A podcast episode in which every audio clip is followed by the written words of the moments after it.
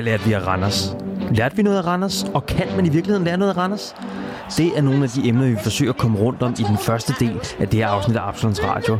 Og jeg ved godt, det kan lyde en smule deprimerende oven på den, det nederlag, som vi led.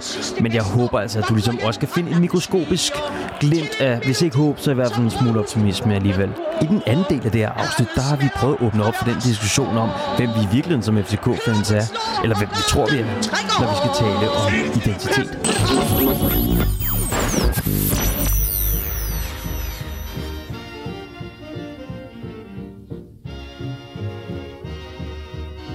Først og fremmest velkommen til dig, kære lytter. Du har sat Absalons Radio i ørene. En podcast, der forhåbentlig kan være med til at gøre dig lidt klogere på, hvad der sker i omkring FC København. I dag er vores to gæster, Ivan Skarum og Christian Hertz. Velkommen til jer begge to. Tak, tak. Tak. Øh, de øvrige stemmer, I kan høre, de stammer fra øh, David Bertelsen og undertegnet Victor Johansson. Hallo. Det allerførste emne, David, vi skal kaste os over, det er øh, den kamp, vi har spillet sidst, nemlig kampen mod Randers ude. Ja, og øh, jeg vil gerne starte med at beklage, at vi bliver nødt til at vente den her tragedie af en fodboldkamp, men, øh, men vi bliver nødt til lige at vente. Øh, jeg lover at gøre det kort. Øh, vi går ikke igennem kampen minut for minut, men, øh, men jeg vil i stedet forsøge at, at sætte nogle overskrifter på de oplevelser, vi havde, da vi, da vi så kampen. Først og fremmest tænker jeg, at vi lige kan vende startopstillingen. Øh, Jes valgte at beholde det, som vi i sidste udsendelse dybte granitmidtbanen med Sækker, Stage og Lerager, som ifølge Jes har det sorte bælte i forsvar, men som måske ikke kræver det helt store frem af banen. Øh, Christian, hvordan synes du, det fungerer med, med den her konstellation, jo, som så betyder, at Rasmus Falk ryger ud på kanten? Øh, kan du se perspektiverne i det, eller, eller ser du i virkeligheden helst, at Falk kommer tilbage på, på en central midtbane? Ej, jeg ser helt klart, at Falk kommer tilbage på den øh, centrale midtbane, men jeg kan godt øh, forstå dispositionen faktisk, fordi det, der er jo en prop, der skal i det forsvar. Altså nu er det 14. gang i den sæson, der er lukket to mål ind. Det er ikke bare øh, øh rekord, det er sådan, altså, jeg tror, at, altså, det sker jo stort set aldrig på en sæson, at vi lukker så mange mål ind. Så, øh, så i det lys, så kan jeg godt forstå, at man prøver at operere lidt med at og, og se, om man kan lukke for de mange mål. Omvendt så har Fischer spillet sig sådan lidt af, Altså, han er sådan ligesom glædet lige ud af startopstillingen, og så er Rasmus Fald jo meget naturligt at prøve det over, og mod Midtjylland kan vi ikke helt vurdere det, fordi det er en rigtig stærk modstander. Vi sidder tilbage måske med en vis tilfredshed over, at øh, vi alligevel måske var det bedste hold, øh, uden det var prangende på nogen måde. Øh, men jeg synes jo, det øh, tager alt, øh, ud af vores offensive spil. Øh, vi, er, vi er så uskarpe op foran, og det, man sidder slet ikke med følelsen af, at vi scorer. Altså i øjeblikket er ham, der scorer målet for os, det er Drame. Og der er altså ikke nogen, der sidder og tænker, at den her, der laver Drame skulle have trick. Det kan jeg bare mærke. Mm-hmm. Altså, det, det gør man jo ikke. Han har scoret forbavsende få mål i forhold til, at han har rundet 50 kampe. Øh, Vind har, har scoret rigtig mange mål på straffe, og, men og er en farlig angriber, men han er jo ikke særlig meget inde i boksen, og, og Falk er heller ikke kendt for sin målfarlighed. Så hvordan vi nogensinde skulle score, det var um, mig en gåde, og det viste sig jo også at være lærer for, for midtbanen, der laver det mål. Ikke? Og, og for lige at give lidt kredit til, til Torp, så sagde han også inden kampen, at det var, der var skænket en masse dybdeløb. Ikke? Så det er jo stager og lærer jeg noget af det skal komme fra. Det er bare ikke godt nok. Altså, det, der skal vi jo være bedre for, foran. Victor, jeg ved, du snakkede da, jeg ved ikke, om det var sidste eller forrige uge, hvor du faktisk plæderede for, for fald på kanten, og du mm. fik jo så viljen. Hvordan nu har du set et par kampe? Mm. Hvordan er din holdning nu til, til den her Altså, jeg kan jo godt forstå det taktiske oplæg til den her kamp med netop at spille Rasmus Falk øh, på, på kanten. Jeg siger, jeg laver, øh, hvad hedder det, øh, godstegn. Netop fordi han trak så meget ind i banen, og så tog øh, Jens Dage faktisk den her position som en, en vingbak. Så i virkeligheden så, så var øh, det taktiske oplæg ligesom, at du gerne ville have Rasmus Falk endnu tættere på Jonas Vind, som, som klart må være vores bedste spiller. Og det, det kan jeg godt forstå. Det eneste problem med den her kamp, det var, at øh, begge de spillere, og også andre markante spillere, var uvenner med bolden. øh, hvilket gør det rigtig svært øh, at kreere noget, når det ligesom er dem, det skal komme fra. Men skaber det ikke noget, jeg, jeg forstår godt dine synspunkter, men skaber det ikke noget, vi snakkede rigtig meget om manglende til, tilstedeværelse i feltet, og Rasmus Falk er vel ikke løsningen på det problem, eller hvad? Mm, nej, ikke nødvendigvis, men det er jo ligesom den måde, vi har valgt at spille på. Altså med, øh, vi skal have spillet ind omkring Jonas Vind, og så skal vi have nogle øh, dygtige link-up-spillere til at linke op med ham, så at sige. Ikke? Så, så det er jo ligesom den variant, vi har valgt nu her. Det er også den måde, vi har spillet på, også igennem efteråret, og haft succes med. Måske mere med en Pep i virkeligheden, men, men, men har haft succes med. Mm-hmm. Ivan, jeg bliver også nødt til lige at høre dig så omkring den her.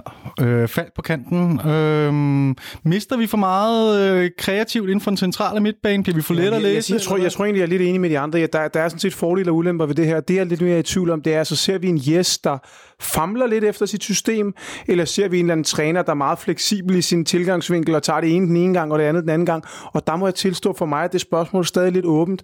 Altså med Ståle, der vidste jeg godt, hvad jeg fik. Der var nogle små variationer, dem kender vi i Europaopstilling og alt det der. Men jeg vidste ligesom, hvad jeg fik. Og jeg, jeg, jeg må indrømme, jeg, jeg er simpelthen øh, stadigvæk i tvivl, om Yes også er i tvivl. Mm-hmm. Og det, øh, det synes jeg er et åbent spørgsmål. Jeg ser sådan umiddelbart helst Falk centralt, men jeg kan også godt se nogle taktiske ting i at have ham øh, længere fremme. Men, men, men for mig er det store spørgsmål, om, om vi har en træner, der famler, eller om vi har en træner, der er fleksibel. Og det er vel ret afgørende. Jeg tror, det er okay at famle også, når man er så tidligt i forløbet som træner. Altså, vi skal også bare huske på, at, at altså, øh, alle store hold, vi har bygget op og så videre, de har jo også taget tid, og det har været spillere, der skulle spille sig ind. Nu kan man sige, nu er det måske lidt modsat, at vi har en træner, som ikke ved, hvor han vil hen. Men, men, men, men, men, men kommer de fleste, jeg, jeg tænker lidt på Malmø. Jeg synes, de har en meget parallel situation til FCK. De havde Uwe Røsler, som vi jo mødte herinde i parken for, i en forfærdelig kamp for efterhånden noget tid siden. De spillede jo også den her klassiske 4-4-2. De var den store klub i Sverige, der godt vil gøre sig i Europa.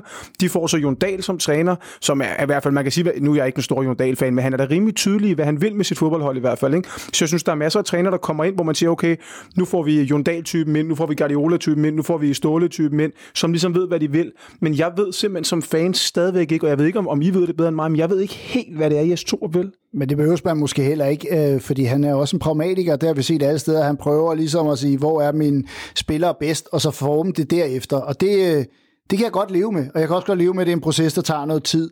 Øh, men man kan jo synes, at nu har vi spillet seks jammerlige kampe, ikke? og hvad var det, der fungerede tidligere? Jamen, det var for eksempel med Pep Biel øh, liggende der. Det var faktisk ved Uviedo på kanten, selvom jeg ikke lige sidder og ønsker ham tilbage, men nu var der jo plads, når Victor Christiansen var ude. Altså, han kunne også prøve at gå tilbage til noget af det, der faktisk fungerede, og ikke kun lige dømme den på en halvleg op i Aalborg. Altså, så jeg, altså, Michel Davidsen skrev i BT, at, øh, at i øjeblikket, der, der øh, spiller spillerne sig ikke på, men der er nogen, der spiller sig af. Mm. Og det synes jeg er meget sigende. Så der er også noget form i med spillerne, der ikke er der. Ikke? Og han, øh, altså, han har ikke et klart koncept, men han har en, øh, en filosofi om, hvordan man spiller bold, og så er tallene måske knap så vigtige.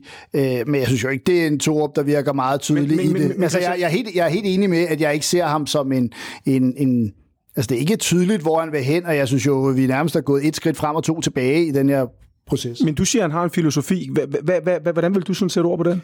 Jamen det er for eksempel, øh, altså han er faktisk meget offensiv. Altså der er ikke nogen af hans hold, der har, øh, der har lukket mindre end et mål ind i snit. Altså så tror jeg godt, vi skal til at vende os til, at øh, man bliver solgt lidt, når du er centerforsvar og så videre. Ikke? Altså at øh, det er meget med at, øh, at kombinere og komme altså op foran øh, øh, modstandernes felt og få skabt nogle dødbolde. Han er jo også, altså Midtjylland vinder jo et mesterskab på dødbolde, og det tog mm. han også med til Belgien.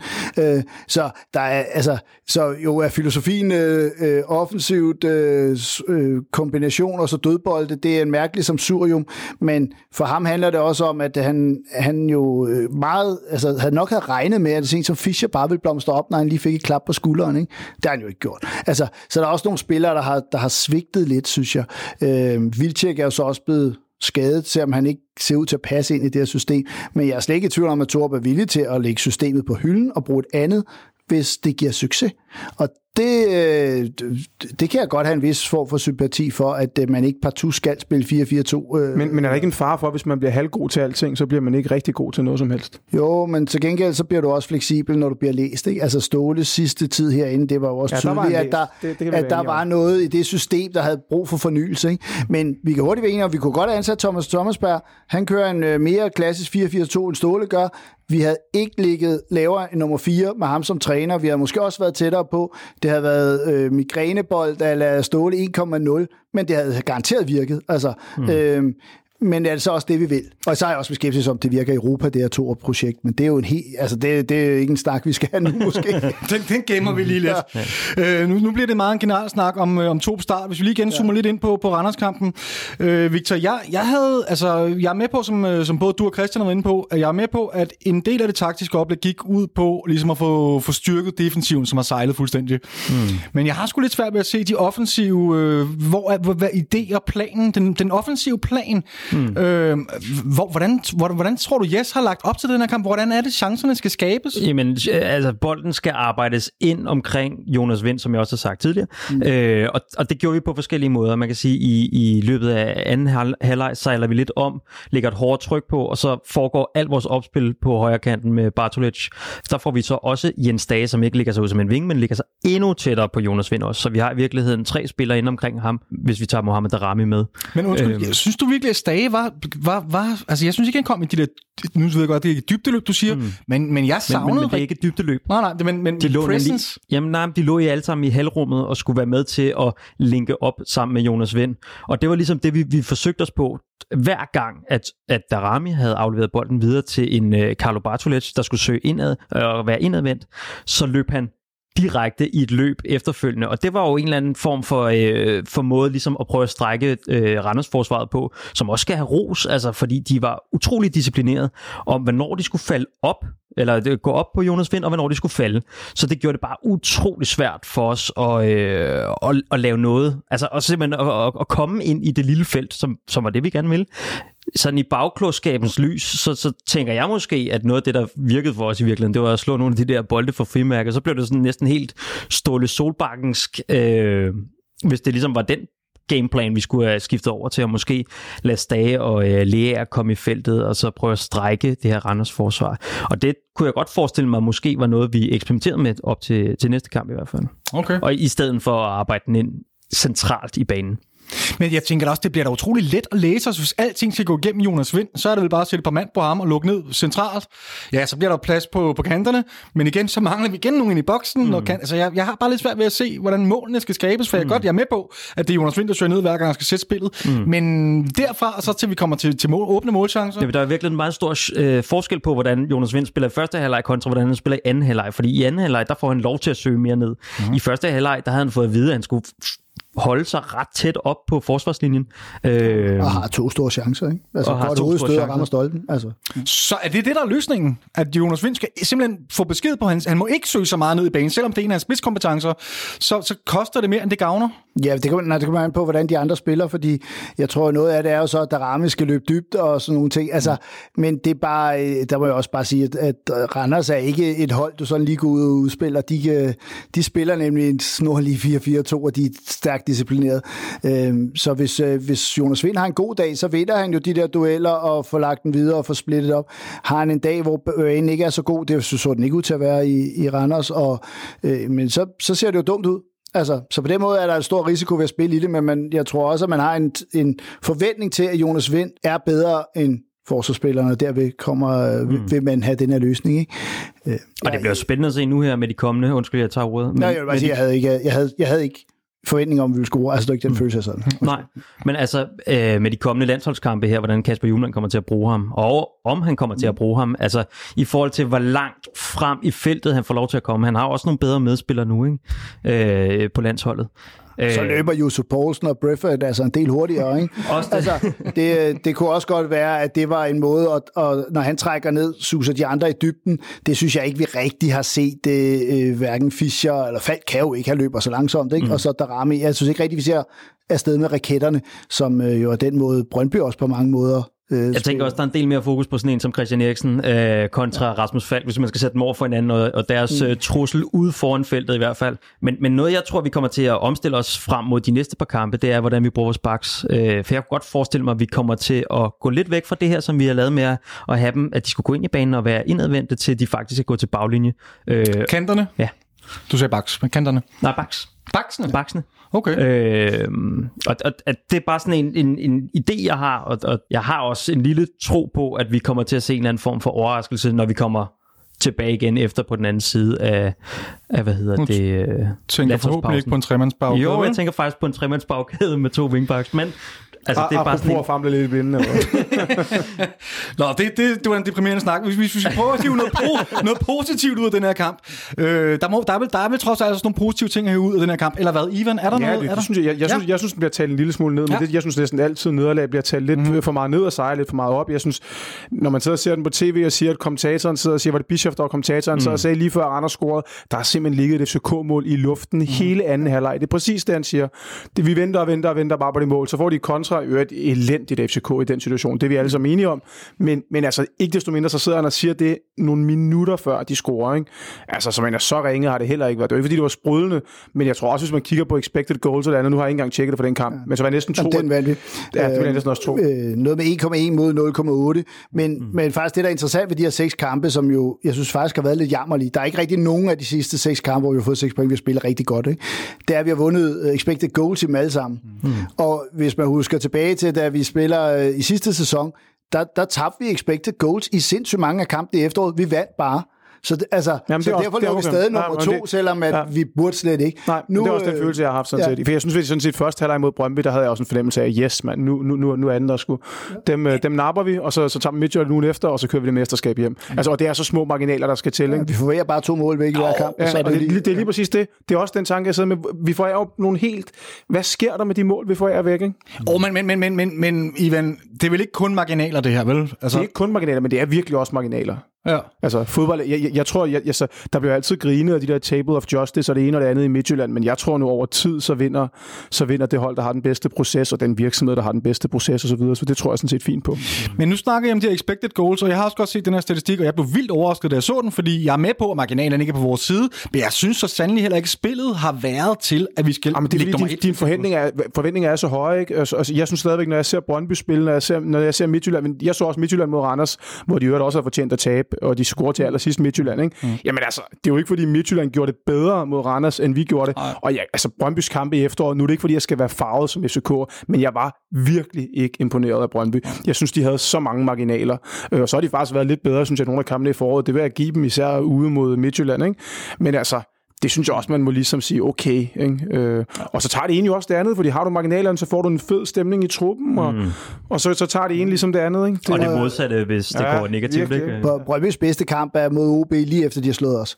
Altså, det er jo, fordi der er kommet et boost, Ja, ikke? Fordi nok. jeg har også siddet med en følelse af, at jeg tænkte, det er utroligt, hvor, hvor meget Brøndby kan være på hælene, og så har de de der virkelig farlige kontraangreb, og så får, får de scoret, ikke? Hvorimod vi er så sårbare over for omstillinger, at man tror, det er løgn.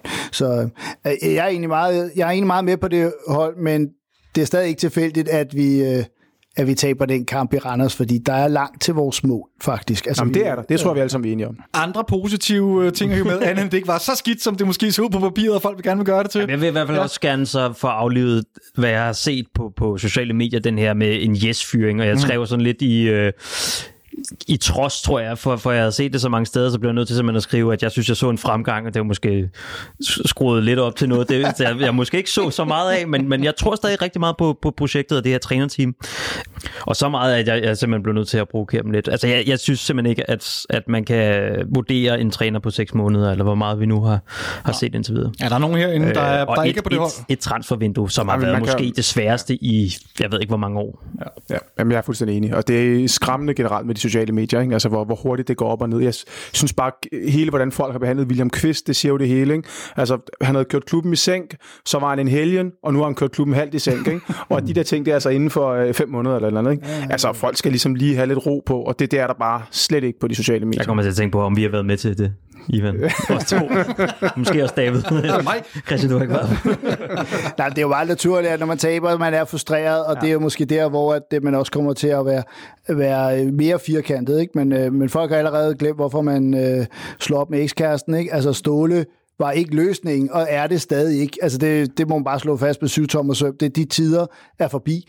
Øh, om yes, så er den rigtig, det må tiden vise, men han overtog også noget, der var håbløst. Og det, der var problemet, det var, at vi spillede godt i nogle kampe, og gav os falske forhåbninger, fordi vi var slet ikke der.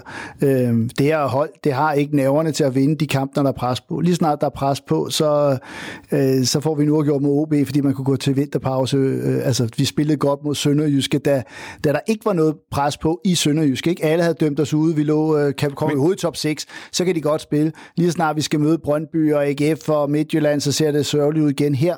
Havde vi vundet syv point, ja, så havde det været meget fornuftigt, ikke? Mm. Ah, det kan vi ikke. Så vi kan så godt forvente, at øh, når, når vi begynder at blive glade og tro, nu er den der i den her sæson, det bliver en lang skuffelse, så må vi håbe på, at han finder løsningen til næste sæson. Ej, jeg er lidt mere positiv end dig, Christian. Jeg synes, men, men, men det, det, det, Ja, det kommer til at lyde meget negativt, det er på, men øh, jeg er også, jeg, de sidste seks kampe synes jeg også bare bevist, at da det spidser til, så vi har formøblet de her chancer mange gange, og 10 point, det virker nu for meget, det må jeg tilstå.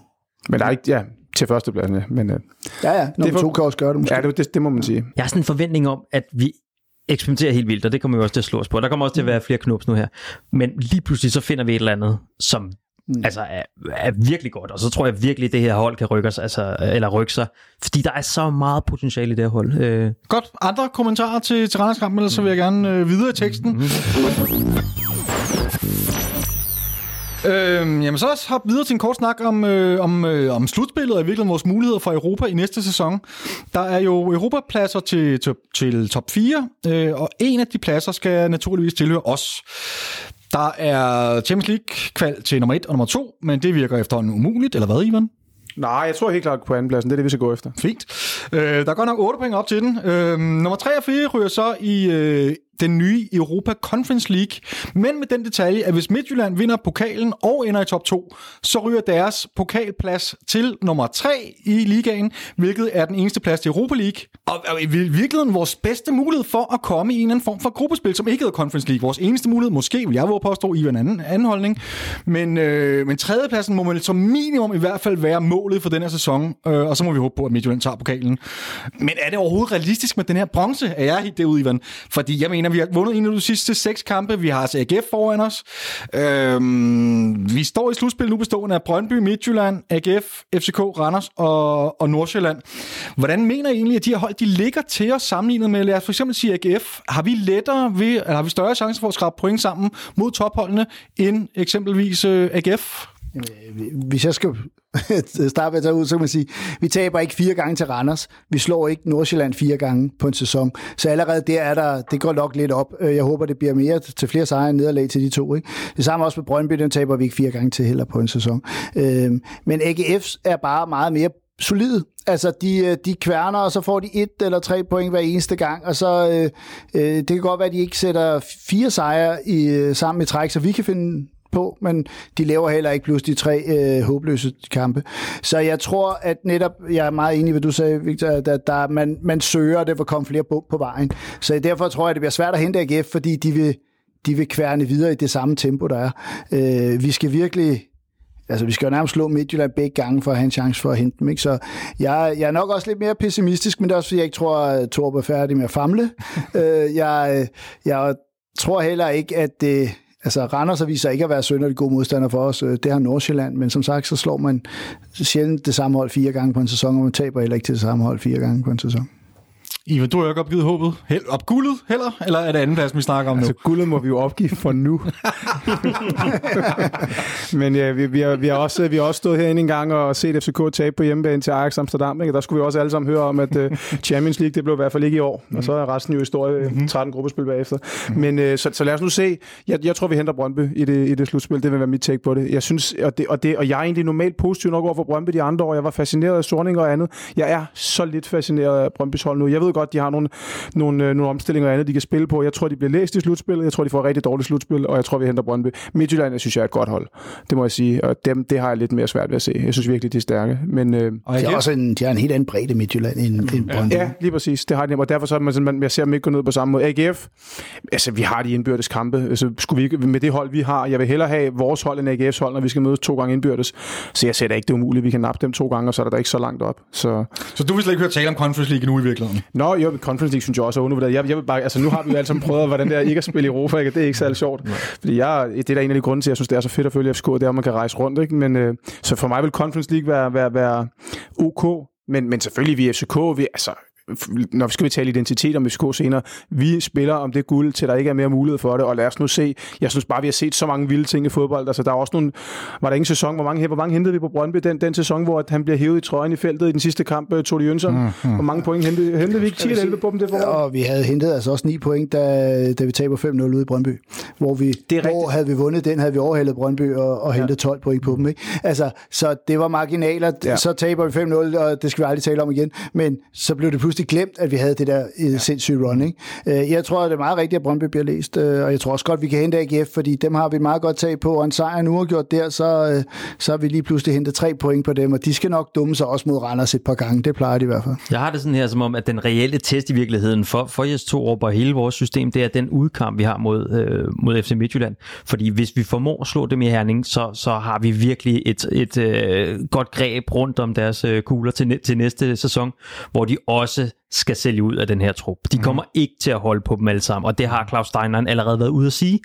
Så det vil sige, allerede der, hvis, hvis man ligesom formår at, at bevise, eller i hvert fald modbevise, at man kan slå dem i Herning, så har vi det bedste udgangspunkt til næste sæson. Men jeg, jeg er ikke uenig. Altså, jeg, jeg er uenig. Jeg, jeg tror ikke, Midtjylland skruer ned. Jeg synes, de medlinger, der, hvis de først skal begynde at indkalkulere i deres budget, at de kommer i løbende gruppespil, så kan de godt rykke det. Altså, hvis man ser på, ja, nu har jeg jo selv økonom, så hvis man ser på, hvordan de der økonomiske modeller er struktureret af fodboldklubber i dag, så fylder for de, for de store klubber i små lande, fylder Europa bare så meget i budgettet, at den dag, du tør budgettere med det, så betyder din geografiske lokation slet ikke så meget, som den gjorde før i tiden. Mm. Og kan Midtjylland begynde at, at, at budgettere med indtægter fra gruppespil, så er der ikke nogen grund til, at de skruer ned. Det er rigtigt, de har nogle individuelle spillere, som helt sikkert vil videre. Især fordi, hvor fedt er det at bo i Herning i fem mm. år? Det er jo ingen, der gider, vel? Mm.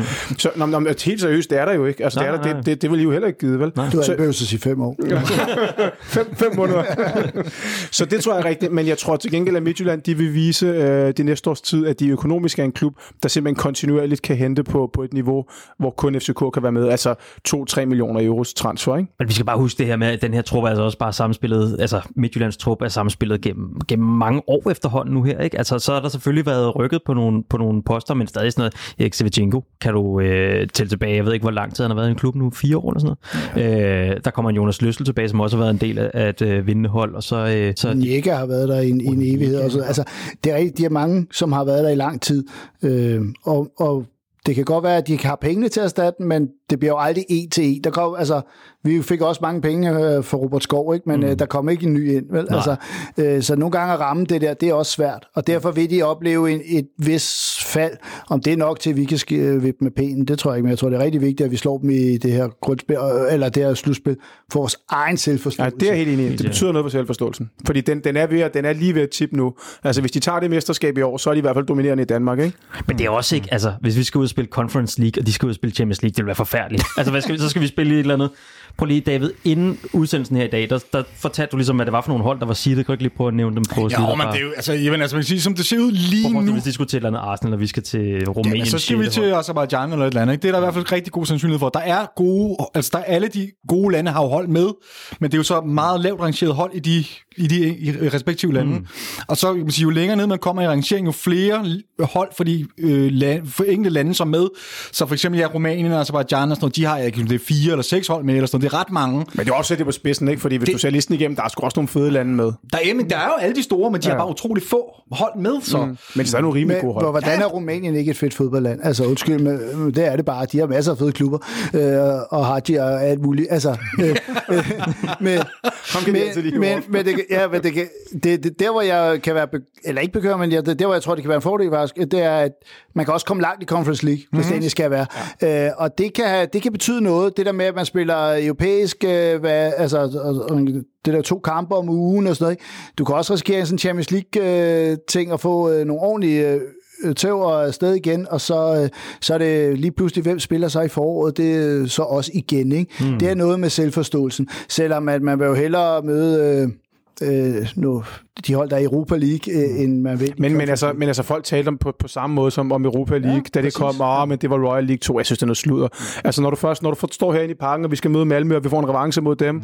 og der er fuld skur herinde, mm. så kan de kalde det Conference League eller Europa League. Der bliver meget mere knald på, end der gør, når de tager imod et stort hold over i Herning, hvor der sidder øh, en elendig fankultur. Ikke? Så det skal vi selvfølgelig mm. bare drive op til noget stort. Så det skal nok blive fedt. Det kan blive en eller anden art. Cup Winners Cup var også fedt dengang, øh, og det var også den lille turnering med nogle, i, nogle gange faktisk ret ukendte hold, ikke? fordi de kun var pokalvinder. Øh, men det var alligevel en super fed turnering, ikke? Så, så det er jeg sådan set positivt nok til. Så, så vi, vi ser faktisk ikke så negativt på det. Vi ser det, der er også nogle positive aspekter i det, i hvert fald sådan noget med, at vi kan få lidt, øh, lidt europæisk erfaring, også til nogle af vores unge spillere, som måske ikke har så meget. Jamen, jamen David, som vi også har talt om her nogle gange, altså den case, du køber ind på som spiller, når du kommer i FCK, det er noget med, at du skal spille i Europa, og du skal spille i ligaen, ikke? Og for mig er der bare galaktisk forskel på den sæson, vi lige har haft uden Europa, som jeg synes har været forfærdeligt på det punkt, og så på at kunne have nogle alligevel okay fede hold i, øh, i, i Conference League, og måske gøre det godt. Og, og igen, jeg tror også, vi kommer rigtig langt. Vi kan, vi kan godt gå videre. Vi har en rigtig god seeding. Vi kan gå videre for gruppen. Så begynder det at blive rigtig sjovt. Ikke? Mm-hmm. Hvis vi først kan sige til os selv, det er ikke fuldstændig umuligt, vi kommer i en finale i en europæisk turnering. Nej. Hvis vi kan sige det, og der er jo et ret langt til den finale, hvor der kommer nogle gode hold der over kom, Conference League ja. efter gruppespillet. Ikke? Men alligevel, vi var i kvartfinalen i Europa League, ikke? så helt umuligt er det jo ikke. Ja. Og hvordan, jeg skal bare lige have det med, altså der, der kommer fra top 5 ligaen, der kommer så et ala midterhold, det er sådan noget West Ham, Everton, ja, det er jo, ja, øh, Espanyol. Freiburg. Øh, ja. Freiburg. Men som Ivan så siger, så kommer der også en masse hold. Alle taberne fra øh, Europa League, dem ja, som ikke kom i Europa League gruppespillet, mm. de ryger så herned. Mm. Så der kan jo komme nogle, ja, det er jo selvfølgelig ikke toppen af poppen, men mm. der kan jo også komme nogle hold der, okay. som, som har en eller anden vis form for kvalitet. Mm. Men hvad så med det økonomiske aspekt i det her? Altså jeg ved ikke øh, præcis, hvor mange penge der er i det her, men det er jo uden tvivl ikke det samme som i selvfølgelig ikke Champions League, men heller ikke Europa League selvfølgelig. Altså, og vi har jo vel aldrig nogensinde haft så meget brug for en økonomisk økonomisk salgsindsprøjtning, som vi har lige nu. Og også med tanke på, at vi, vi står med en ny træner, en nyt setup, kan det få et, et, en, en negativ konsekvens for, for hele Yes-projektet det her, hvis der lige pludselig ikke rigtig er så meget at handle for, eller, eller ser jeg spøgelser? Nej, jeg tror lidt, du ser spøgelser, fordi hvis man ser igen, hvad der er budgetteret, så er der budgetteret over femårige perioder med, med et vist antal gruppespil, ikke? og Conference League giver lidt mindre end Europa League, til gengæld begynder Europa League at give lidt flere penge, fordi det bliver en lidt mere prestigefuld turnering, så der er ikke noget, der tilsiger, at vores budget skulle blive øh, reguleret nedad, fordi vi kom i Conference League, men jeg mener så, at der er en chance chance for, at Midtjyllands budget kan reguleres opad, hvis de begynder kontinuerligt at komme i gruppespil, ikke kun Champions League, så kan man godt give det et hak opad. Det er mere der, så jeg ser forskel mellem budgetterne kan godt blive mindre, men jeg tror ikke, vores bliver, Nej. bliver okay. mindre. Men det er ikke nødvendigvis skidt for os, at Midtjylland får et uh, større budget. Altså, det lyder på den korte bane, men hvis du skal være sponsor herinde, så bliver det noget, altså nogle større beløb, fordi du skal op og kunne matche de andre. Så på den måde kan man blive ved med at skubbe hinanden opad. Jamen, og det er jo derfor, vi har to CL-pladser også. Ikke? Altså, det, det, har de ikke i Sverige, vel? Altså i Sverige, jeg, jeg kender også flere i Sverige, når jeg taler lidt fodbold med dem, og de, er jo sådan, de, de ønsker slet ikke hinandens hold. Nogle af dem gør noget godt i Europa, ikke? hvor jeg har altså, jeg synes, det er fint, hvis Midtjylland ikke, jeg vil helst ikke se dem i Champions League, det vil jeg godt indrømme, men, men, men, men for min skyld må de godt komme i Europa League, og jeg håber, de kommer i Conference League, hvis de spiller playoff der, fordi hvis vi kan få en liga, som mere, mere minder om Schweiz end om Sverige, så er det rigtig, rigtig godt for, for, for ligesom de budgetter, vi skal ligge, fordi når man laver de økonomiske kalkyler, så sidder man jo bare og kigger på nogle procenter og siger, hvad er procenten for at vinde x, y, z playoff, og hvad for et budget giver mening på sigt. Og hvis landet har en dårlig ranking, så giver det sådan rent økonomisk ikke rigtig nogen mening, medmindre man tænker som en græker. Øh, og nej, fordi grækerne, de, de satser bare De siger, vi kommer sgu i det gruppespil, ikke? Mm. Men, det, men, men, men sådan nogenlunde rationelt tænkende lande, de, de, de ligesom, de, de, de, nå, de, de ejer jo ikke økonomisk rationalitet. De, de klubber der, det er derfor, vi fik sikker til sidst, ikke? Men, men, men, men så giver det fint nok mening, ikke? Øh, uh, tak for det, Ivan. Tak fordi du også lige giver mig lidt, lidt uh, positiv vibes omkring det. Det skal nok gå alt sammen. Øh, hvis man vil nørde, nørde lidt mere omkring det koefficienter og seedning så videre, så vil jeg anbefale at kaste et kig på Kiwis glimrende tråd på sidelinjen med titlen Danske hold i Europa 21-22. Der, er, der står det hele meget mere i dybden, end, uh, vi kan gå igennem her. Så ind og tjek Kiwis tråd på sidelinjen. Et af de emner, der længe har interesseret både David og jeg, har været at definere, hvem FCK er. Eller i hvert fald måske få sat et par ord på, hvad vi i det mindste tror, vi er. For udover at være fans, ligesom dig og mig, af en fodboldklub i København, så vil jeg våge påstå, at klubben i sin begyndelse var et oprør mod det etablerede fodbold Danmark. Et ønske om at professionalisere fodbolden og være med til at udvikle klubben til en erhvervsvirksomhed, der kunne være et flagskib for fodbold i Danmark. Og man kan jo se udviklingen om at blive professionel og blive en stor erhvervsvirksomhed er noget hele vejen til Jylland, hele vejen også til Herning, hvor man sukker efter at prøve noget af det samme. Siden succesen i starten af nullerne har FCK været synonym med det smarte, innovative og ikke mindst succesfulde. Alt sammen kogt ned til, hvad vi i fankreds måske kender bedst som den positive arrogance, der i nyere tid måske er blevet bedst kendt som det forbudte ord FCK-DNA. Men det er altså blevet tid til at kigge os selv i spejlet. Når vi ser de nye vinde strømme ind over mediebilledet i form af politisk korrekthed over for tredjeverdenslande, som vi ikke ønsker træningslejre hos, eller bettingfirmaer, som skal være vores trøjesponsor. Før i fodboldverdenen har det været fy og kæde fodbold og politik sammen, med et håb om, det kunne give plads til direktøren og ham, der pusser en sko. Der kunne stå side om side på tværs af økonomiske skæld og råbe byens hold frem – men tro på klubben frem for den politiske agenda, der ellers vil skille med. Og lige netop her bringer jeg frem til mit spørgsmål. For hvem er vi egentlig? For en klub, der startede midt i nullernes skyldne tid med troen på professionalisme, der samtidig bor i, i en metropol og ønsker måske mere social bevågenhed og et opgør med de upolitisk korrekte gørmål, stiller det os måske mellem to ben. Så mit spørgsmål til, til jer er, hvem er vi? Hvem tiltaler klubben, og, og hvor skal vi i virkeligheden hen? Spændende, spændende spørgsmål, Victor. Du, du, du gav mig det jo i går, og jeg synes virkelig faktisk, det er et godt spørgsmål. Jeg gik selvfølgelig og tænkte lidt over, hvad jeg synes, at øh, at var klubbens identitet, og jeg er sådan landet på, på to ord.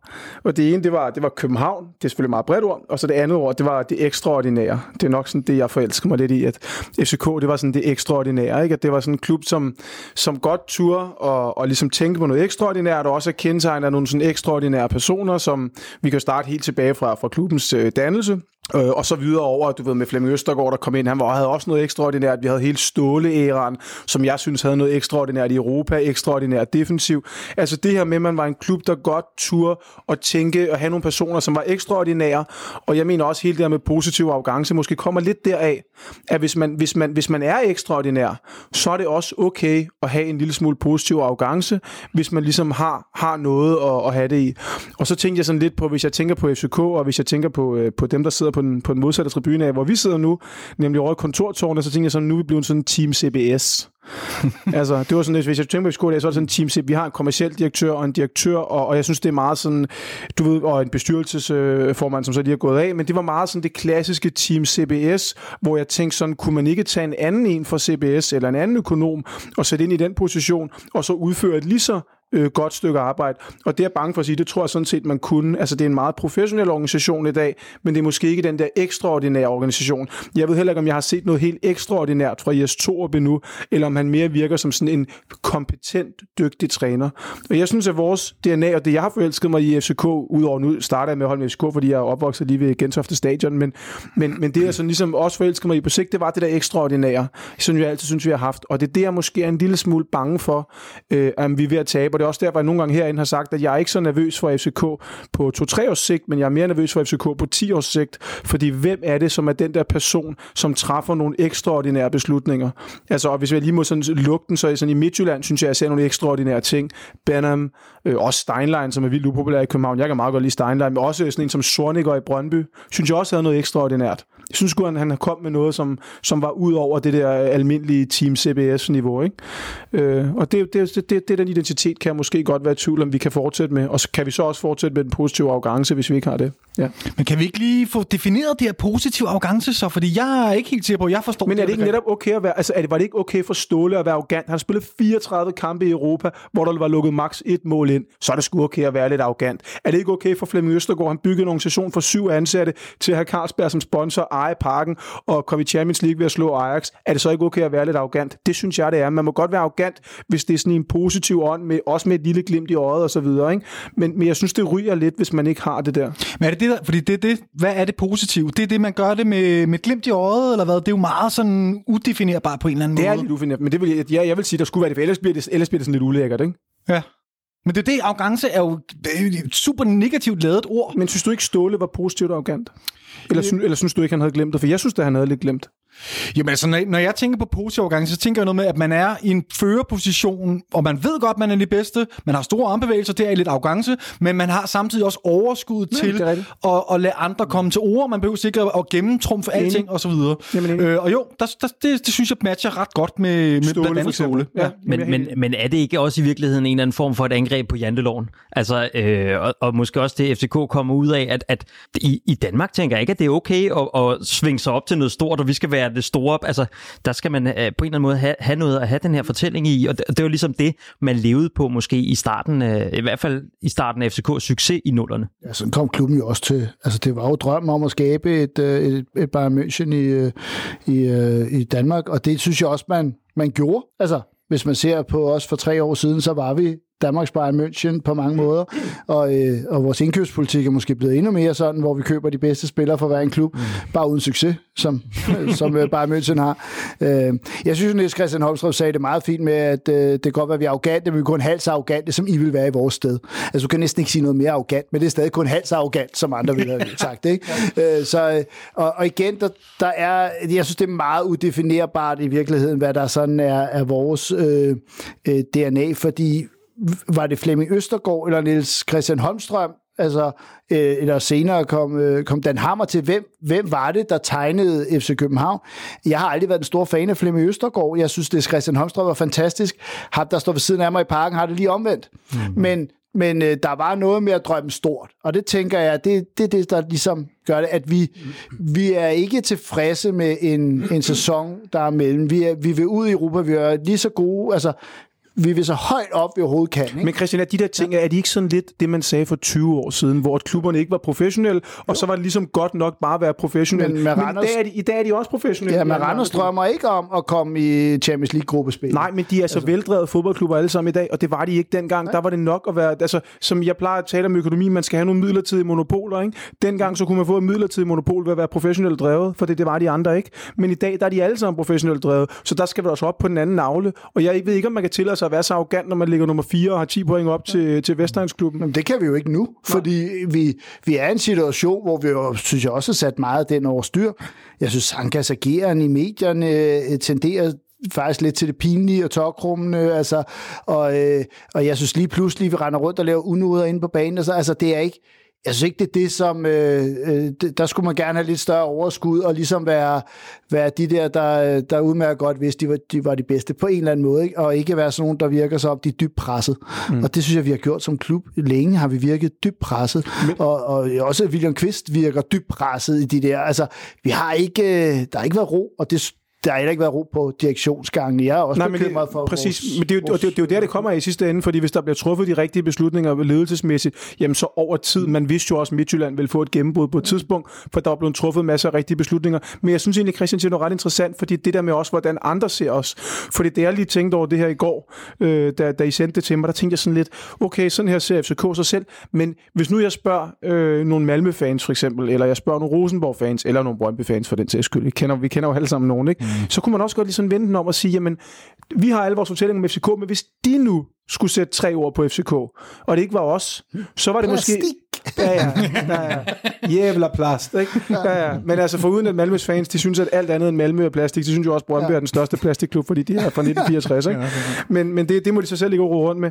Men, men, men, men hvad vil andre... Det synes jeg er lidt interessant, fordi, fordi jeg tror nemlig, da jeg lige sådan selv tænkte over det, jeg tror, der er ret stor forskel på, hvordan FCK ser sig selv, mm. og så hvordan andre ser FCK. Og det tror jeg ikke gør sig gældende for alle klubber. Jeg tror, hvis du tager en klub som Barcelona, så tror jeg, der er rimelig meget sådan konsistens imellem, hvad for nogle værdier de selv har, og hvordan man ser Barcelona. Men FCK, der er jeg ikke sikker på, der er den der konsistens. Jeg ved ikke, David, hvad, hvad siger du? Hvis, hvordan ser andre folk på FCK? Jeg tror, at FCK eller andre klubber ser FCK som en... Øh Ja, der er jo noget, noget plastik, det er jo det, vi har fået skudt i skoene så mange gange, og noget, noget, noget historieløshed, selvom det kunne ikke kunne være mere forkert. Øh, så tror jeg også, der er rigtig meget med det, at vi er en koncern. Altså, vi har rigtig mange andre ben, vi ligesom støtter fodboldklubben på. Og, øh, og det har sådan i sig selv en eller anden negativt skær, i hvert fald man er af den gamle fodboldromantiske skole. Øh, så, så langt hen ad vejen er det, er det jo meget det er inde på, noget, noget kunstigt. Men er, er, er vi en usympatisk klub? Jeg tror, der er mange, der vil sige, at vi er arrogante i hvert fald, som ikke forstår den her positive arrogance, øh, som jeg nu begynder at forstå, som jeg, som viser, jeg har forstået den hele tiden. Øh, men jeg var lidt i tvivl, om jeg havde forstået den, og ja, det tror jeg, der er rigtig mange. Altså, hvis, der, hvis jeg er en inkarneret fan, som har været herinde igennem øh, lige siden klubbens fødsel, kan være lidt i tvivl om det her. Øh, jeg havde en, en snak med en kammerat i weekenden, som har andet en, en, en fodboldkamp i ny i parken. Han er FCK-fan, men han, han, han var meget modstander af det her begreb, og han forstod, jeg tror ikke helt, at han er med på det. Han har i hvert fald ikke den samme opfattelse, som vi har, også fire, der sidder her under bordet. Han så det bare arrogancen, og så det som noget negativt. Og sådan tror jeg egentlig, der er, det er den almindelige danskers fodboldfans opfattelse af FC København, det er og, bare, vi og, også, og også nogle af de personligheder, vi har haft. Ikke? Helt klart. Men, ja. men jeg tror også, øh, som nogle af de ting, jeg sagde i mit speak, at, at noget af det, som jeg forbinder med, med at vokse op med FC København, øh, nærmest kun en succes, øh, det er det her med at være smart, at være innovativ mm. og være succesfuld. Og, og, og når jeg sidder og kigger på vores klub nu, og skal prøve at tage min fan-hat af, så, så savner jeg måske lidt at se nogle af de elementer, fordi at øh, vi har pengene men vi har ikke, øh, det er ikke os, der tænker stort, som Ivan siger. Så jeg har svært ved at se de ting, som jeg forbinder i virkeligheden med FC København. Og det er jo netop derfor, det er, det er, jo derfor, det er så interessant lige nu, ikke? fordi det er også det, jeg føler, at vi, at vi ved en lille smule at, at miste nogle af de der ting, og det kan godt være, at vi bare får nogle andre ting, som folk så synes er gode, men jeg synes, at Kasper, øh, den gode Kasper Larsen har også været inde på det mange gange, at de typer personer, vi har, Lars Bo, øh, den type person, han er, den type person, Yes er, også, det er bare nogle helt andre personlighedstyper, og det er også derfor nogle gange, jeg har stadigvæk lidt svært ved at se Jes Torup, øh, bare når jeg kigger på ham, så tænker jeg, han er jo ikke FCK, ham der, han udstråler overhovedet ikke FCK for mig, men hvis han så er fagligt dygtig, så kan det jo godt være udmærket, ikke? Men, men, men, men, men sådan, er, vi, er vi ved at miste en lille smule af det her? Både og. Man kan sige, hvad er det bestyrelsen har byder ind på i dag? Det er jo ikke fodboldklubben, det er jo lige så meget LaLandia og nogle andre ting. Altså, så de, de er jo pludselig sat i verden for, øh, for nogle andre ting, der skal ske. Ikke? Og vi, må den der med, at, at Flemming Østergaard han blev ved med at puste ballonen op, det er de andre stoppet med. Ikke? Og tænkte, nu, nu kommer der et, et flow af, af penge ind, som vi så skal leve af. Ikke? Øhm, og, og samtidig så... Øh, øh, så spiller sådan en som Ståle. Han blev jo ikke... Det der glimt i øjet, er der mange, der ikke kan se i Jylland. altså, og det er jo meget, meget interessant. Altså, jeg synes jo, han er så underspillet. Han er fyldt med humor og selvironi. De ser det overhovedet ikke. Altså, så jeg tænker også, at det, øh, det der med opfattelsen af, and, af hvordan andre ser en, ikke? At der, så bliver man jo hurtigt arrogant, hvis man ikke... Øh, hvis kan man se selv, glemt Ja, øh, og, og jeg, det kunne jeg. Jeg elskede Ståle, eller elsker ham stadig. Han skal ikke være træner her igen. Jeg, altså, han, for mig var han FCK. Skal være sportschef. Han kom Ja. så godt ind jo. Ja, ja. det var træner, der ikke kunne finde ud af at bruge dem. Eller, oh, nej, det kan vi jo se, det ikke er nu. Ikke? Ja. Øhm, øh, for, for mig, så var han indbegrebet af FCK-DNA, fordi alt, hvad han sagde, det blev sådan sagt med den der sådan øh, øh, lidt, lidt spydig, øh, glimt i øjet, humor, og var heller ikke bange for at sige tingene sådan øh, øh, lige ud. Men det, det er vi jo enige om, og så spørger jeg dig bare, er vi så ved at miste det nu? Øh, det bliver jo spændende at se, hvad PC kommer og byder med. Øh, jeg, jeg tror ikke, PC er sådan, så vi så håber, at han, at han hiver den med. Øh, for det kan vi godt være, fordi jeg tror godt, at altså, Jes Torp har, er ikke den type. Men, Nej, man nej, kan, nej, slet men, ikke. men man kan jo sagtens have en, en anden trænertype og have succes på banen og, og, som, og få masser af tilskuere i parken. Det er ikke kun afhængigt af, hvordan træneren agerer i medierne. Men nu får vi også en sportsdirektør, ja, der nærmest er umuligt at få fat på. Øhm, altså, det er jo ikke lykkes nogen medier nærmest at have interview med ham og sådan noget. Ikke? Så jeg er ikke, jeg er ikke sikker på, at det går den rigtige retning. Hvis man ser sådan som Carsten Vagn, han ændrede faktisk for at være sådan en medierne aldrig snakket med til at blive mere og mere sådan der er, og nu er han blevet sådan meget mere åben og siger nogle ting. Øh, altså den, den transformation har jeg ikke set PC lave. Øh, vi kan også blive for lukket, vi kan også blive for meget, øh, at, øh, at fans ja, og alt muligt andet ikke betyder Jamen, fordi, fordi det, jeg også spørger mig selv om, det er, der, der er også nogen, der har spurgt om det andre steder, hvem, hvilken person personificerer FCK? Alle er enige, og så kan man, og man kan lige med sådan set lige meget, men, men man kan hele tiden sige, måske helt tilbage fra Harald Nielsen, og så kan man sige øh, Holmstrøm, man kan sige Østergaard, man kan sige Ståle. Mm. Hvem er Mr. FCK i dag, hvis man lige hurtigt skal svare? Jamen, jeg tænker jo, det, vi er ude i, at, vi, at det bliver jo William Kvist, og, som, som, som skal repræsentere, også fordi han er den eneste, som har en anden form for historie herinde. Men han har jo slet ikke den autoritet og Nej. karisma og så videre, som de andre har haft. sige, Lars Bo måske er den, der kommer tættest på, ikke? Kunne En, en, have... en, en Vejle-dreng, der vist holdt med AGF sine unge dage, eller hvordan Nå, var det? men det er jo lidt... Men nu kan de har alle sammen holdt med andre klubber, dem der sidder i ledelsen der. Jo, jo, men, men stadig en, der, der kommer ind med noget autoritet og kommer ind med nogle stjerner på, øh, på skuldrene. Og alligevel synes jeg, har det der, det, altså det, det der, hvor jeg ser i virkeligheden måske nogle af de smarte og innovative ting, de kommer netop fra ham af, hvis det kommer fra nogen i Men hvad, i er det- hvad, det- hvad er det så konkret kommet? Øh, Copenhagen med til herinde, for eksempel, ikke? Altså, Okay, men, nej, men okay, det jeg falder man synes... jo ikke bag stolen over. Nej, jeg ved altså, ikke, jeg, hvorfor- jeg, synes, sgu, altså, jeg synes, han er super sympatisk og begavet jeg har, og sådan noget. jeg har det, bare det, ikke den indtryk måde. af, at han, han er, er, er klar til at gøre noget mere end sine forgængere. Altså øh, Og Katja det- Mosgaard, som, som og var okay, fuldstændig okay. usynlig. Ja, okay, der skulle heller ikke meget til, vel? Nå, hvis man nu skal være lidt direkte, så Ja, blev hun, så hun han- fyret på gråt papir. Men han har også kun været noget. direktør under et corona-år, som jeg Ja, forestiller mig er noget af det ja. sværeste. Og, Enig. og, øh, Men jeg, jeg, tror også, han kan, jeg tror også, han kan lave nogle fornuftige tiltag, men, er- men er han den der faderfigur for FCK, det, det, det er jeg lidt i tvivl om. Det prøver han at opbygge, han prøver at opbygge et forhold til fans, Til fans og sådan noget, ikke? Ja. Øh, og, og, det synes jeg også, Jes Torup gør, øh, har taget initiativ til at mødes med fans. Det er jo ikke rigtig set før, en, en træner gør det. Øh, så jeg tænker, der er der måske nogle andre, og der kommer også en, en ny bestyrelsesformand ind, og det kan også være en, der er med til at tegne Bixen på en helt anden måde. Øh, Lars Seier er kommet ind, og, og han bliver aldrig min kop te, men han er FCK-fan, og det, og jeg er ikke patent på, hvem der må være det eller ej. Altså, så er jeg sikker på, at han har hjertet med i projektet, at vi så ikke deler politiske holdninger, øh, og nogle gange så skal han tænke, før han siger noget, og hvad vil jeg. Altså, men han kan godt minde lidt om Flemming Østergaard på samme måde, i at være mm. øh, en, en, en, der har øh, meget store visioner, og øh, man tænker, det lykkes aldrig, og så lykkes det, og sådan noget. Ikke? Altså, han har, jeg synes, han har lidt af det. Så, lidt af det, men, øh, men heller ikke mere, end han selv har sagt nej til en plads i bestyrelsen. Ja, han har, han har ikke lyst til at være forrest på, på det projekt. Lige præcis. Men, øh, men mange begge små, altså så heller ikke, at vi, det helt er væk. Altså, øh, noget af vores lidt triste tilgang her hænger jo sammen med, at klubben er spillemæssigt i krise. Den er også lidt i ledelsesmæssig krise, men vi er jo i en situation, hvor vi om et år, så kan det være, at det har vist sig, at øh, PC er en glimrende købmand, og trænerne har fået styr på det spillemæssige. Der er kommet bestyrelsesformand ind, der tegner forretningen, og så har vi måske ikke den samme negativ hat på, fordi William Kvist er det vil jeg også sige, ham der er Mr. FCK lige nu, men har tydeligvis ikke den øh, coolness som, øh, over for medierne, som han havde som spiller, den har han ikke som ja, Der var Ståles analyse vel rigtig nok ikke, af William Kvist, han var, han, var, han var nogle gange lidt ude på nogle steder, hvor han måske ikke skulle være endnu i hvert fald. Mm. Ja. Men hvad siger du, Victor? Jeg vil gerne øh, rejse det spørgsmål, som jeg også rejste i introspeaken, omkring den her politiske korrekthed, som også er, er stigende i, i det etablerede samfund, og så, som selvfølgelig også øh, kommer ind i fodbolden, og som en hovedstadsklub, der forestiller jeg mig, at man bliver nødt til i hvert fald at have en holdning. Øh, senest har vi set... Øh, jeg kan ikke engang huske, hvad der kom først. Qatar, øh, eller øh, bettingfirmaer på, øh, som trøjesponsor, eller træningslejre i Dubai osv. David, hvad tænker du? At er det noget, som vi skal på en eller anden måde være vant, eller det, det er bare en ting, der er i tiden, og det, det skal vi bare implementere, eller står det i vejen måske også for vores sådan, øh, altså fremtid? Jeg kan ikke se, at det står i vejen. Altså, det er jo et kæmpe stort spørgsmål der. Det handler om, om og grundlæggende om politik og fodbold bør blande sammen. Ja. Det har jeg personligt ikke noget problem med. Jeg synes, at man øh, godt kan, kan tage et ansvar i, i debatten, men man skal være mega varsom om, hvad det er for nogle emner, man så ligesom kaster sig over. Det skal virkelig være nogle emner, som, som, som den, den brede befolkning kan, kan bakke op om. Man skal passe på, at man ikke får en anden form for øh, nærmest polit, parti, hvad sådan pa, pa, partisk, øh, polit, hvad hedder det? Polit, partitisk? Hvad Partipolitisk. Partipolitisk. Mm. tilgang til tingene, ja. hvor man tænker, at FC København er lige pludselig en uh, socialdemokratisk klub, eller den liberale klub, mm. eller hvad ved jeg. Mm. Øh, men, men jeg tror, det er vigtigt, øh, at man på en eller anden måde tager nogle valg, også i forhold til identifikationen med øh, publikum, måske ikke dem, som allerede kommer ind i parken, men, men den, den, den almene københavner, som måske synes, det er vigtigt, at man tager, altså, som, som interesserer sig helt vildt meget for, hvad ved jeg, øh, er, er vildt engageret i, øh, i boykot af VM i Katar, eller sådan mm. et eller andet, øh, som, som vil se det som et plus, hvis FC København gik, gik ind og blandede sig i den her debat.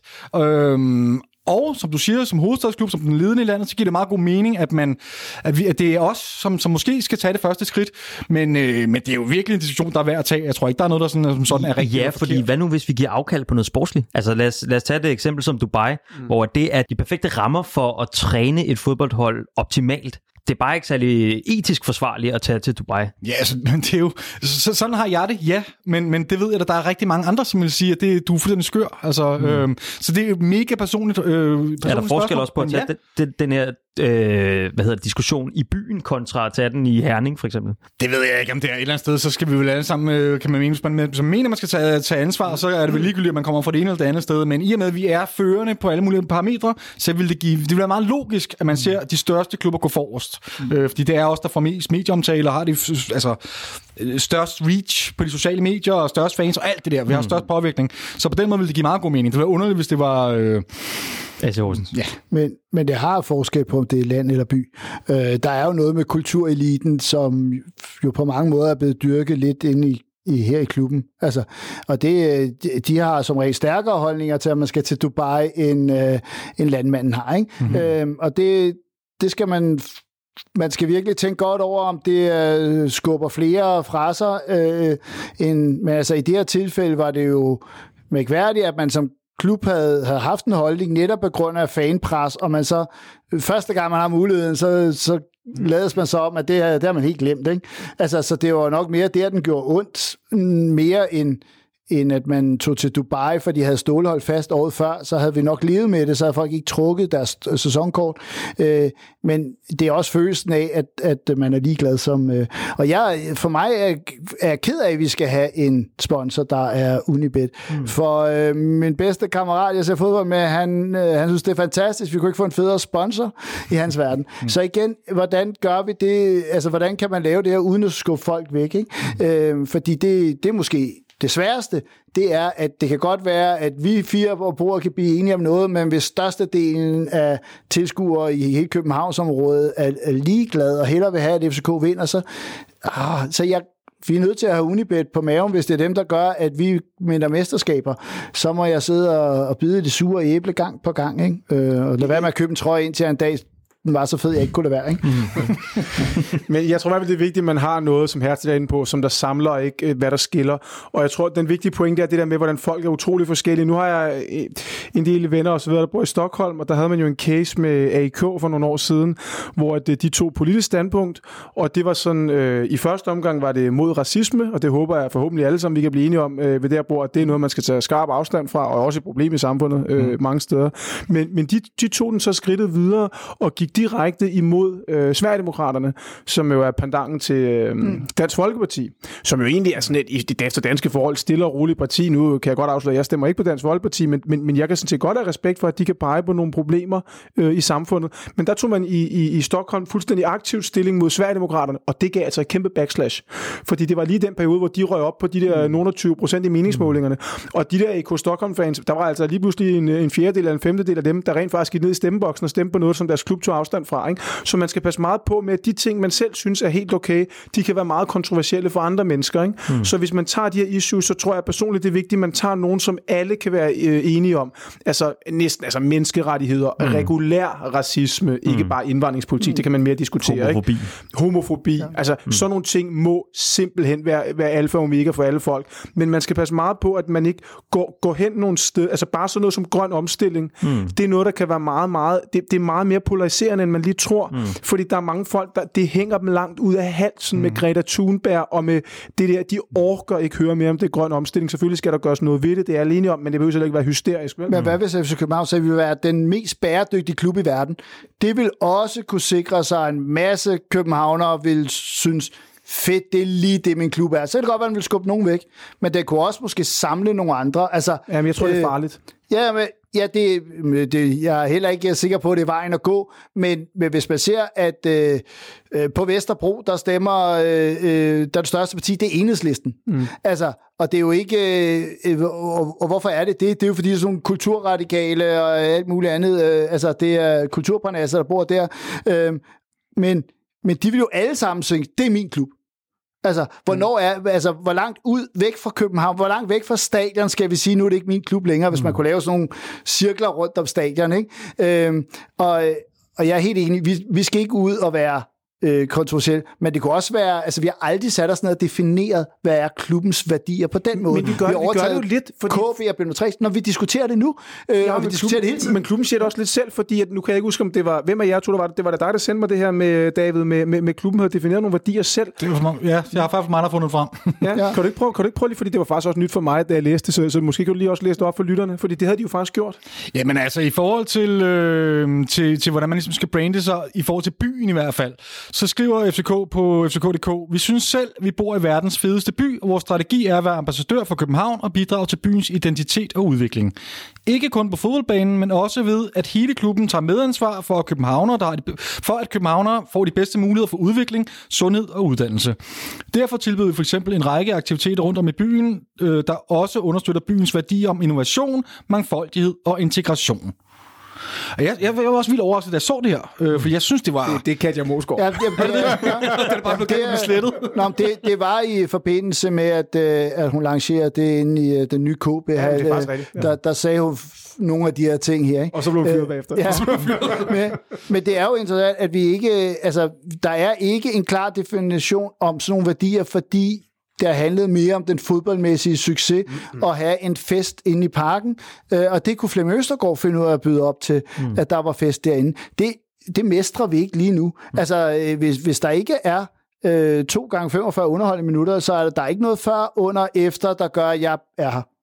Altså, Øh, altså jeg, jeg er der ikke for det, den halve time efter kampen, for der er ikke noget. Jeg kommer ikke en time før, fordi jeg bare øh, bliver underholdt til op over begge ører. Ja, men, og, og i forlængelse af det her, så, så tænker jeg, at det er også vigtigt, som, som øh, vender igen tilbage til min introspeak, det her med, for mig i hvert fald, at, at øh, vi ikke påtvinger nogen et eller andet politisk øh, statement, som de ikke kan stå inden for. Fordi jeg, jeg synes i virkeligheden, så, så noget af det, der gør sig gældende med det her, vi ikke skal have politik på tribunerne osv., at det i hvert fald er fy-fy, øh, det er det her med, at jeg kan stå sammen med nogen, som jeg måske politisk er dybt uenig med, men vi kan stadig nyde fodbold sammen, eller nyde at holde med den samme klub, og vi kan stå her, ja, direktøren og øh, kassemedarbejderne i Netto. Ja. Og det synes jeg på en eller anden måde, det er få steder rundt i det resterende samfund, hvor at der i virkeligheden er de åndehuller, eller et frirum, så at sige, til, til ligesom at øh, tænke, hvad man vil.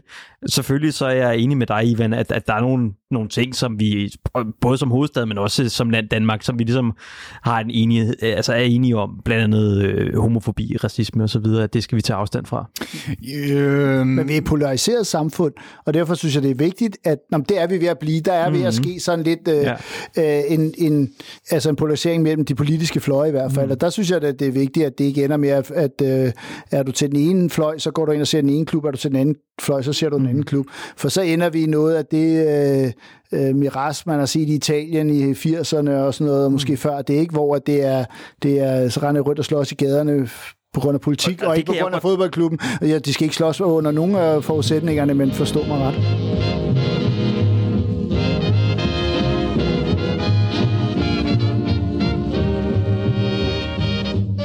Øh, når man så tænker jeg, at vi måske lige kan dreje debatten lidt over omkring tilskuerproblematikken, hvis man kan tillade sig at kalde det, som vi har i dansk fodbold. Der er i hvert fald ikke lige så mange på stadion, der er i Danmark, som der er i vores nabolande. Øh, det mest oplagte er selvfølgelig at kigge, øh, kigge mod Sverige, og hvis vi sammenligner mod øh, med, med den svenske hovedstad Stockholm, det er altså en by på størrelse med København. De har tre store klubber, tre store klubber Hammerby, AK og Jørgården, som tilsammen havde i alt knap 60.000 tilskuere i snit til deres kampe i, i 18-sæsonen. Jeg er blevet til at gå tilbage til 18 kroner. Og, og, ja. øhm, sammenligner man med, med København og omegn, og medregner både altså FC København, Nordsjælland, Lyngby og Brøndby, så har vi på 36.500 tilskuere i snit. Det vil sige, at der er altså cirka 40 procent færre, der tager til fodbold i København i den bedste række, sammenlignet med Stockholm. Øhm, og det fører selvfølgelig til spørgsmålet, hvor, altså, hvorfor kan det lade sig gøre for folk på stadion i Stockholm, men ikke i København. Og jeg ved, øh, både Ivan og Christian øh, ved en lille smule om det her, og jeg håber ikke, I er fuldstændig enige, men, øh, men lad mig da starte med dig, Christian. Har du nogle idéer om, hvorfor det er så lettere, hvor meget lettere at lokke folk på stadion i Stockholm end der i København? Jamen, jeg, jeg, vil, jeg vil starte med lige at udfordre din regnmetode. Ja. Øhm, man skal ikke regne Lønby og Nordsjælland med i den her sammenhæng, men der er en lang række større klubber i København, som som frem, og sådan, som jeg ved godt ved, de har ikke 10.000 tilskuere, men, men man skal mere se, at der er, der er faktisk en del københavnerklubber, som også har en del øh, tilhængere, som ikke rigtig er der i Stockholm. Helt klart, øh, men, vi, men der men, er lang vej fra 36 ja, til 60. Ja, det er helt med, men det er fordi, det der noget af den øh, udvikling, der har været i Stockholm, øh, historisk udvikling, er der meget hurtigt danner sig tre klubber, som øh, specielt to, øh, som ender med at blive AK og Djurgården, men også Hammerby, og de de sætter sig meget, meget tungt på markedet, kan man sige. Øh, hvorimod øh, den oplever vi ikke i København, hvor vi helt op til 80'erne har rigtig mange københavnerklubber, mm. øh, som ikke har haft den her udvikling. Der sker et uh, tilskuerboom i 70'erne, uh, og alt det her, det har jeg fra en svensk bog, jeg har læst på et tidspunkt der om Stockholm-kultur, uh, uh, eller fankultur. Den er skrevet af, af, af fans for de tre klubber. Okay. Men i 70'erne har de den her udvikling, vi oplever i 90'erne, hvor Brøndby og FCK ligesom bliver større og større. Vi går jo fra, altså så Brøndby, inden vi rigtig kommer, har de en 6-7.000 tilskuere derude. Uh, vi har jo de, de får flere, og vi begynder at have en 6.000 i snit på ned og se, øh, og da den ligesom bølger frem. Ikke? Der er 6.000 i snit i parken, altså. men der begynder at komme fankultur. Den har vi altså 20-25 år senere end, end Sverige. Øh, men familierne går også langt tilbage. Altså det er helt tilbage i 20'erne og 30'erne, hvor man afklarede med, hvilke... Øh, og så har vi hele ishockeydelen, der også er knyttet op på. Så det er altså en meget, meget bredere fundament. De går nærmest til sport øh, året rundt. Øh, så det er altså meget mere indlejret i deres øh, historie, de her. Så øh, hvis du spørger svenskerne selv, så vil de sige, at det er historien, der er afgørende for, at der i dag er en langt større basis. Altså man kan jo også sige, med FCK øh, i, i 0'erne eller 90'erne, så var du ligesom førstegangs øh, fan, ikke? Nu er der begyndt at komme nogle anden generations fans, men altså her er de måske 5., 6., 7., 8. generations fans. Det betyder altså noget. Og så er Brøndby heller ikke en ældre klub, faktisk. Øh, og Lønby og Nordsjælland kommer aldrig... Jeg troede, de var verdens ældste. Ja, ja. Det, øh, øh, øh, Øh, så, så på en eller anden måde, så er der, så er der altså en, en historie til forskel, øh, og en rivalisering, der går mange, mange år.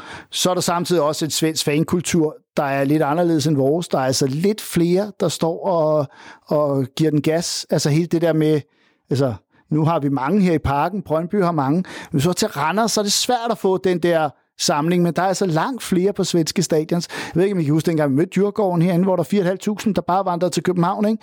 Altså, det var fandme en skræmmende oplevelse. Jeg glemmer aldrig. Jeg har aldrig hørt nogen synge så højt i parken. Nej, altså, og så, så jeg tog til Sverige, ikke? og vi var, øh, altså hvis vi var, øh, det går vi var med 450, men der var, det, de var føltes op, de var 10 gange flere, end vi var taget til Sverige. Ikke? Øh, så på en eller anden måde, så er der altså, øh, det, det sidder mere i deres øh, øh, fan-DNA at tage på udebaneture og, øh, og være lidt mere opbakende.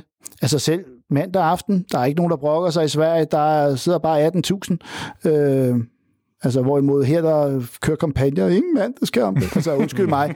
Altså, der må vi også tørre øjnene som fans. Altså, bare for mig er det sgu ligegyldigt, hvornår vi spiller. Jeg vil ind og se kampen. Altså, så, øh, og det, der tror jeg, at vi får mange øh, fritidsfans, der går ind og ser det. Ikke? Så passer det ikke lige, hvis det ikke er søndag klokken 3 og sådan noget. Ikke? Ja. Mm. Så du tænker, hvad, at det er bare et spørgsmål om tid også, i hvert fald delvist et spørgsmål om tid, vi bare er en 20-30 år efter den svenske udvikling, så det skal nok komme? I hvert fald i forhold til generationer, den der sådan grundbase, mm-hmm. at man vokser op med, at øh, ikke bare far holder ved FC København eller mor, men også farmor og farfar, og altså, at det går, det går længere tilbage. Det betyder, ifølge den bog, betyder det rigtig, rigtig meget for, hvor de tre klubber er hen i dag. Mm. Øh, og så er de også meget definerede områder af Stockholm, øh, hvor her der er jo mange Brøndby-fans, der bor i København. Altså, der er ikke så mange København-fans, der bor i Brøndby, men altså, det vil sige, vi er lidt... Øh, kommer du fra et bestemt område af København, så er det ikke givet, at fordi du vokser op på Frederiksberg, at du bliver FCK-fan. Mm. Øh, det er der altså nogle steder i, i Stockholm, der kan søge dig, så er du Hammerby, sådan er det. Altså, øh, der, der er lidt nogle andre hvis jeg lige må knytte en til den der, så, så hørte jeg fra Andreas øh, Højberg, der arbejder op på FCK TV, da det var i gang med at filme den her Mohamed Rami øh, dokumentar, som, som kommer ud i næste uge, tror jeg det er. Det er jo i aften. Altså, Nå, det er i aften. Okay. øh, ja. øh, så, som bliver filmet meget i videre. Der var altså begyndt at komme en masse FCK-flag der. Det tror jeg blandt andet Mohamed Rami har haft en vis skyld i. Så det var, det var meget fedt. Men det var bare lige en kort Og Yusuf Tutu. Ja, tutu. Og tutu. Var han også videre, dreng? Ja, i hvert fald spiller derude, ikke? men jeg tror, ja. han er også 93 så før det. Så. Ja, okay. ja.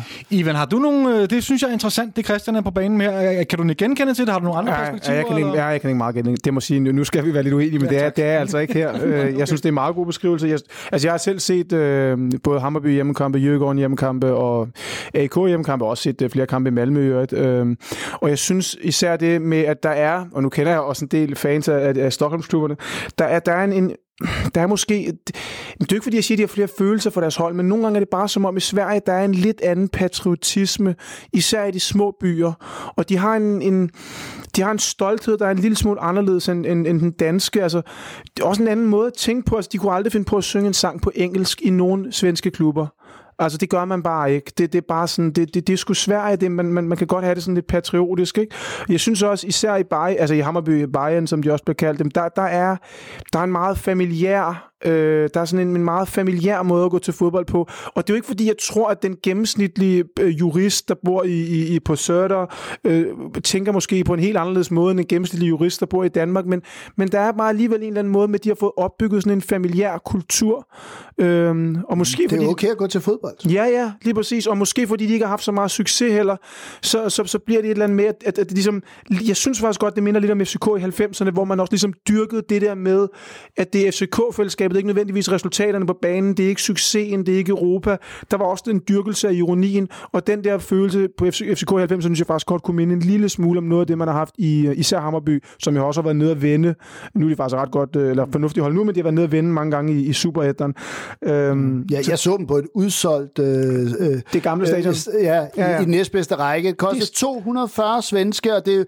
Og lang siden, øh, de sang hele kampen. Ja, det, altså, det er jo så kun 12 danske kroner, men i forhold til... Nej, øh, men det var alligevel opsat til danske, var det 195 ja. eller sådan noget. Ikke? Så jeg gav næsten 200 kroner for at komme ind og se en, en kamp i, øh, i øh, næstbedste række, øh, og der var udsolgt. Ja, ja. Nu, altså, nu er der altså, altid udsolgt. Til, til, til, ja, altså, jeg, jeg så også Hammerby øh, for ikke så længe siden mod et eller andet bundhold, der var sgu også udsolgt. Jeg må købe en billet på det sorte marked. Jeg skal ikke sige, at mm. nu var jeg i Stockholm, så jeg ville bare have den billet. Mm. Så jeg skulle nok lige hvad den kostede. Men altså, den kostede på den forkerte side af 500 kroner. Ikke? Og det var, ja. Ja, og det var altså mod et eller andet Mickey Mouse. Jeg ikke huske, om de spillede mod. Kampen var jo skide dårlig, ikke? men der var den vildeste stemning. Men det er så fint nok. Jeg synes måske også, hvis man øh, lidt anekdotalt, men nogle gange, når jeg sådan ser på min egen bekendtskabskreds, og især folk, der kommer op sådan sidst i 30'erne eller begyndelsen af 40'erne, hvor, hvor de prioriterer måske lidt mere europæiske kampe, ikke? Så kommer de, øh, dem jeg kender, de kommer ind og ser gruppespilskampene, så kommer de ind og ser Derby, og så er det mere eller mindre det på et år, ikke? Hvor et, i Stockholm, der de har jo klaret sig ret dårligt i, øh, i, i, i Europa, de her klubber. Altså, øh, et, grund til det blandt andet, der var så mange Djurgården-fans i København, det var fordi, de jo ikke spillet i Europa i, ja. i en evighed. Så jeg tror egentlig også, vi kunne have samlet mange den anden vej, mm-hmm. hvis det havde været i 90'erne, ikke?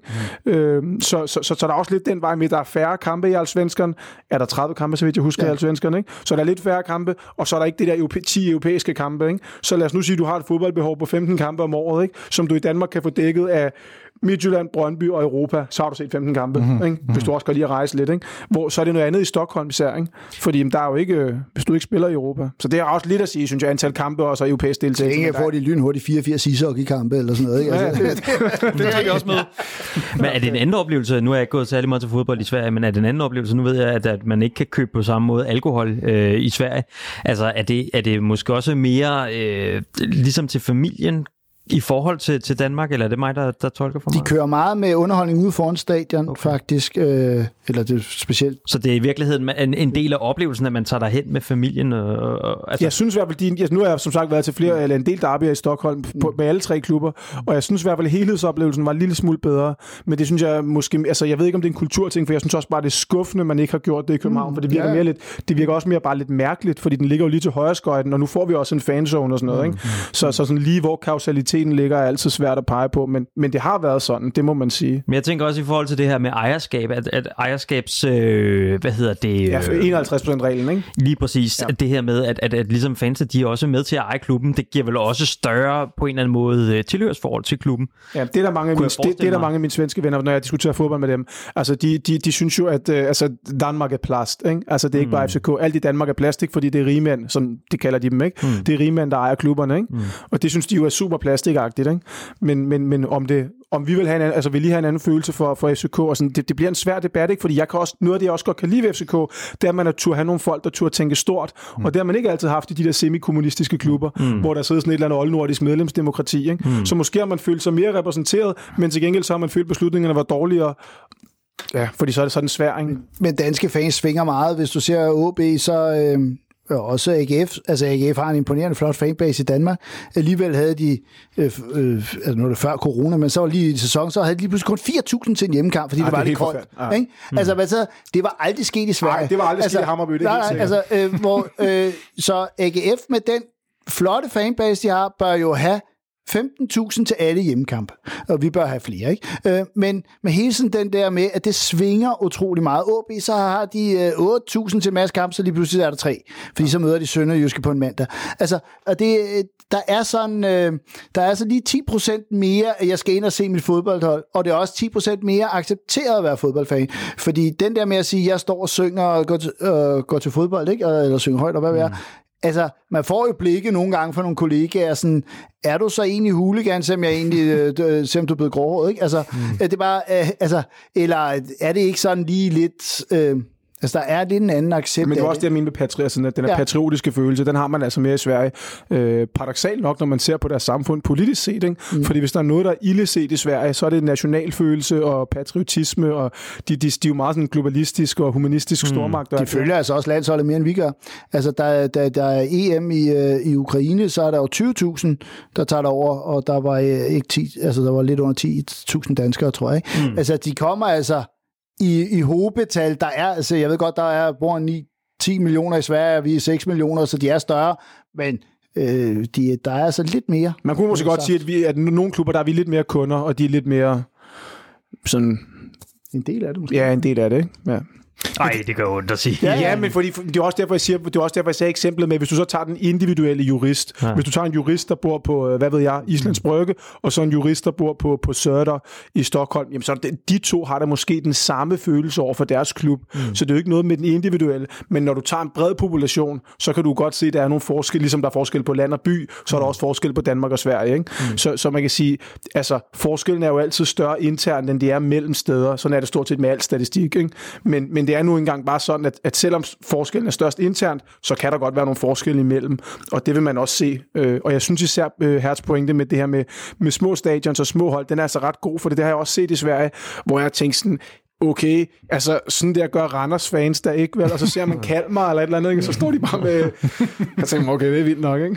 Nå, det er jo ikke engang, altså det er jo ikke kun i Sverige der. Altså, nu- jeg har boet et halvt år i, Hamburg, og de to klubber, de har dernede, det er jo, det er jo Ja, det er fuldstændig det, imponerende, samme. Hamburg også, ja. Øhm, Og de har altså også 5 millioner opland, ikke? Jo, jo, det er jeg med på, men, øh, men, men altså, lige nu der ligger de altså begge to nede i anden Bundesliga, og der er stadig fulde huse, altså 55.000 på, øh, hvad hedder den, Alliance Arena, hedder den det, Haras Favres hjemmebane. Øh, Jeg tror bare, de kalder den Folkspark stadig. Folkspark. Ja, ja, det gør de fans i hvert fald. Og Milan Tour, der er jo nu, det bliver ud- bliver udbygget hele tiden, de kan jo ikke følge med.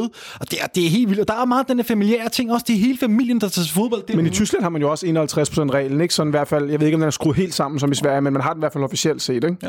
Men hvad gør vi så i Danmark? Altså, hvad gør vi i København? Hvordan kan vi gøre, øh, hvordan kan vi lokke flere tilskuere på stadion? Hertz, du var lidt inde på, totaloplevelsen, ja. er det der? Fordi du siger, at du kommer ind, så, tager du, så ser du fodbold, og så tager du hjem igen. Og det ved jeg, det er i hvert fald også noget, det ledelsen har lagt lidt vægt på, at øh, man kommer til stadion, så skal du stå i kø lang tid for at komme ind, så kommer du ind, så skal du stå i kø for at få en øl, så stiller du dig op på din plads, og så kan du stå der, øh, indtil kampen går i gang. Og ja, du ved, så er der lige en pause, og så er det hjem igen. Øhm, Lars Seier, han nævner jo sådan noget som øh, altså sådan nogle amerikanske sportsbegivenheder som, en, som et, et godt eksempel på, hvordan man kunne, kunne højne totaloplevelsen. Og jeg får helt... Øh, øh, altså, Det er slet ikke dig, det er slet ikke mig. det jeg ser jo, jeg ser jo Kisscam og en eller anden overgivet konferencier, der står nede. Og, så vil jeg gerne. så vil du gerne. Og, Tind, og Lars Seier har også noget med datingtribune og sådan noget her. Og det kan godt være, det ikke tiltaler øh, os, som, øh, som, som kommer alligevel hver søndag, men måske er det netop det, der skal til for at lokke øh, den almene, neutrale tilskuer herind, og som så på sigt kan blive fan, eller hvad? Jamen, jeg tror det ikke, tror det ikke. Jeg, tror, jeg personligt vil jeg sige, at det er enormt mange parametre, der skal bygge det op. Altså bare fordi der lige kommer lidt, det er super godt, vi får en fanzone, men det trækker det ikke alene. Mm. Sådan noget som at klubben laver klubhuset, hvor de får noget fællesskab der, det betyder noget. Måske de tager noget ansvar for nogle ting, det kan folk få. Altså det, det er en hel masse parametre, som Hertz også siger, der er også noget tid, der bare skal arbejde for en, men man kan ikke gøre andet end at gøre, optimere alle parametre, og så må man håbe det, fordi jeg tror ikke, det kommer, bare fordi vi får cheerleaders tilbage, og så et eller andet med, hvad det er, Kiss Cam, eller hvad det er. Så står der sgu ikke 25 øjne næste søndag i, i regnvejr, vel? Okay. Altså, så, så, jeg tror bare, det, det, jeg tror bare, det er sådan en bred, bred portefølje. Men det hjalp jo at lave nogle, øh, nogle øh, sæsonkortsbetingelser om. Altså, så kunne man se, at der lige pludselig var nogen, der kom mere, ikke? Altså, mm. da vi fik så abonnementsordning, som Brøndby nu også har stjålet, kunne, jeg- kunne jeg forstå. Altså, så der er jo også, det er muligt at højne den, og hvad, nu korrigerer jeg lige alt, hvad jeg siger om Flemming Østergaard-tiden herinde, for der var jo nogle tal der, men de var stadig høje. Selv når de blev korrigeret, havde vi stadig nogle, nogle perioder med over 20.000. Det kan alle, der var herinde, øh, huske, at der sad altså lidt flere på tribunerne, ikke? Mm. Øh, og, og så det kan jo lade sig gøre, og det handler om at lave et, et produkt, der dels er sportsligt attraktivt, ikke? at vi spiller noget underholdende fed fodbold, men også, at der er, det er en fed oplevelse med dine venner, og øh, det er også til at betale, så når du sidst på måneden, så står du ikke og, og øh, ikke kan komme ind og se fodbold. Så, altså, der er mange ting, der skal gøre det, men, men tit så er det også selvforstærkende. Når det går godt, kommer der også flere, ikke, end, øh, end når det går dårligt. Mm. Sådan, øh, og, og det er den, man skal lidt væk fra. Fordi det synes jeg, sådan, det er jo lidt den danske model. Ikke? Ja, det er- Vi vil ja, det er alle der sammen gerne er. være med Ja, til finalen. Ikke? Mm. Øh, så er der ingen grænser for, hvor mange oceaner, der skulle ind og se pokalfinale. Ikke? Mm. Øh, altså, og, og det, det er der, hvor jeg synes, svenskerne er lidt bedre til, at, øh, at det, er, det er 15 finaler, de ser nærmest på et år. Ikke? Øh, og, og kan vi få en sådan en, at man bare skal i, i, i det skal vi jo sikkert, men der er jo mange, der sidder derude, som ikke lige tænker, at de skal i pakken hver weekend. Og det kan være, at det er bedre vilkår for familien, fordi nu spiller familietribunen heller ikke særlig godt. Altså, der er mange steder, man kan, man kan give mange en bedre oplevelse, uden at, øh, at øh, folk på sektionen skal stå og kysse hinanden. jeg tænker også det her med, altså nemlig med den her totaloplevelse, altså øh, der kunne jeg også godt savne lidt, at man måske forankrer sig lidt mere i brostederne, altså at øh, hvorfor har øh, FC København ikke en bar i Kødbyen? Nu siger jeg det bare, altså det, det, det kan godt være, det, det er sådan lidt poppet, men, men sådan, altså at, at, øh, at, at noget, der ligesom appellerer til folk, som ikke bare er FCK-fans, men altså på den, på den brede front. Ligesom vi har LaLandia, hvorfor kan vi så ikke have noget, der er måske en kende mindre prollet øh, og brand os på? Der, men, kan I forstå øh, mit argument? Ja, eller er det? Selv jeg vil nødt have en bar, øh, der var FCK-drevet på Nej, den måde, det... i forhold til, hvad nogle Brøndby-fans en dag kunne finde på. Jamen, ja, ja. Men jeg er helt med på det, men det er nok også med til at holde noget af det fra sig. Ikke? For jo mere du brander dig, jo mere kan du, er der også ting, du ikke kan sælge. Mm. Altså, jeg tror, at Carlsberg er med til at, at, at rykke re, øh, den reklame på brystet over på ærmet. Mm. Lurer mig, om ikke Brøndby også får Carlsberg på ærmet, for de er allerede sponsor derude. Så står du med den samme sponsor på begge klubber, så øh, begynder Brøndby fans at drikke Carlsberg igen. Mm. Altså, sådan fungerer det jo. Jeg drikker ikke, øh, nu har de så ikke en øl øh, på, men, men Faxe er, er, altså sponsorerer du Brøndby, så ryger du ud af min, øh, af min portefølje. Du har stadig aldrig tilgivet Faxe. Nej, det har jeg ikke. Altså, øh, og, det, øh, Nå, og Kodan kommer heller aldrig til at få, sådan er det bare ikke, selvom de også har begyndt at træne. Men, men, øh, men jeg, jeg kunne aldrig finde på at tilvælge en Brøndby-sponsor. Altså, det kunne jeg ikke. Og sådan har de det sgu også med, med Carlsberg, mm. og så kan det stå og sælge nok så mange Carlsberg nede på, øh, på øh, hvad hedder det, øh, sydsiden. Men hvis de ved, at alle pengene render rundt til, at øh, vi får 20 millioner mere, end de gør, så, mm. øh, så blegner det noget. Øh, jeg er slet ikke i tvivl om, at Brøndby har Carlsberg på ærmet, inden der er gået to år. Det er også derfor, vi bare skal tage, nå at tage patent, så det er ikke bare Østerbro, men vi tager patent ja. på alle brostederne, fordi, fordi der er godt nok langt til Brøndby. Øh, Men du har ret, vokser du op på, på broerne, så skal man da have følelsen af, at der er kun København, der er. Ja, lige præcis. Øh, altså, det er det eneste alternativ, der ja, er. Ja, ellers må man flytte til Hvidovre eller ja. et eller andet andet sted. Præcis. Ballerup. Er der flere pointer, eller så tænker jeg, at vi lukker debatten. Øh, så skal det måske også lige retfærdigt sige, at altså, der er jo flere tiltag, klubben har sat i gang. Vi er mm. begyndt at brande os mere på København. Blandt andet har vi fået byvåbnet i nakken, hvilket jeg synes er... Et... Jamen, så kommer der 30.000. Det gør der jo 100 procent, ikke? Altså, hvis det så, gør det. Så er der ikke noget at sige til det. Ja, det er jo ikke en lydbølge, det. det er rigtigt, ikke lydbølge. Fanzonen kommer sikkert også til at gøre noget, og, og, og, hvis vi kigger på tallene, altså hvis vi, de sidste tal, vi har, vi kan bruge til noget sidste sæson, kan vi ikke bruge til noget, fordi der var ligesom en halv corona.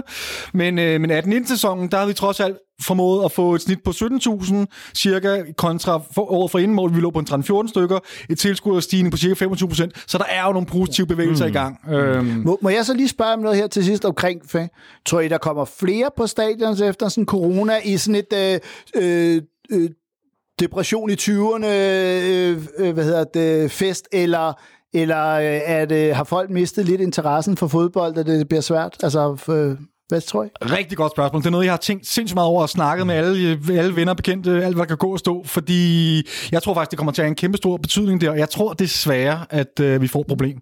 Jeg tror, at folk har fået andre vaner. Jeg tror, øh, jeg tror ikke, vi får den der med 30.000 tilskuere første gang.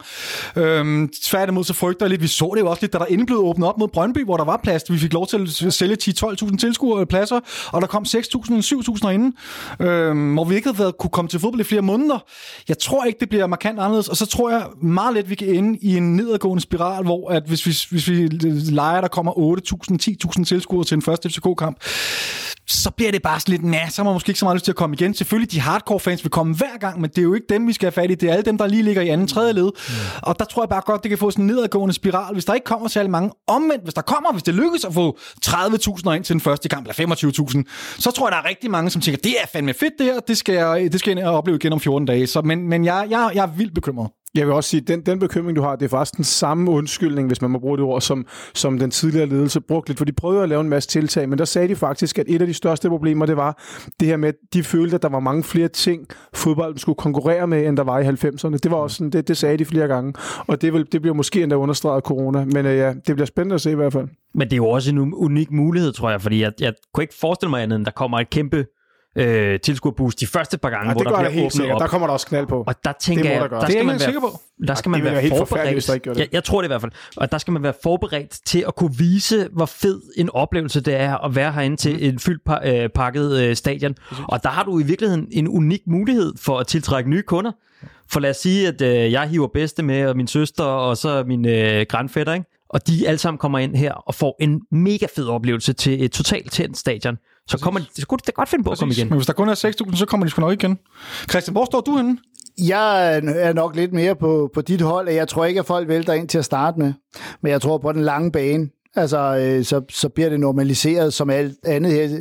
I, jeg har det sådan som om, at øh, jeg har levet uden alkohol, i, i, og så nu, får, nu kan jeg få en øl, så jeg kan næsten ikke vente med at få lov til at komme ind i parken. Men jeg tror kun, det er øh, altså det der sådan sæson holder segment, altså dem, som har det som livsstilen, altså de skal ikke konkurrere med noget med mig. Altså det er lige meget, hvad der er andre tilbud her i byen, så er der, det kommer aldrig til at være et bedre tilbud, end at gå ind og se fodbold. Øh, så, så jeg er jo den for, forkerte familiefar at spørge, øh, også fordi jeg tager heller ikke resten af familien med, altså, øh, men det kunne jeg jo starte at prøve på. Kom der lidt flere. Spændende. Det, det er i hvert fald noget, som jeg ved, at folk de, de har, de tænker meget over. Det er sindssygt spændende at se, men øh, der er jo ikke noget, der tyder på, at det kommer til at ske lige forløbet. Øh, der er jo lige kommet en ny genåbningsplan, og det tyder på, at vi igen, øh, fodboldfans, at bliver de sidste, der bliver sluppet fri her, hvilket jo kan jo øh, lede til meget stor undring. Lad os sige det Især når man ser sådan noget indendørsaktivitet. Det bliver, altså, det bliver øh, hvad siger vi, frigivet før. Det giver ikke Men der er meget det også bare sjovt, fordi den debat, det er som om, der er slet ikke nogen debat med argumenter. Det er bare sådan, det er bare lort. altså, der, fordi hvis der kom en, der sagde, hey, hvis nu vi, hvis nu vi stiller os med, med 20 meters afstand, ikke? der mm. kunne bare stå rimelig mange, selvom mm. man står mange, altså i hvert fald herinde, ikke? Mm.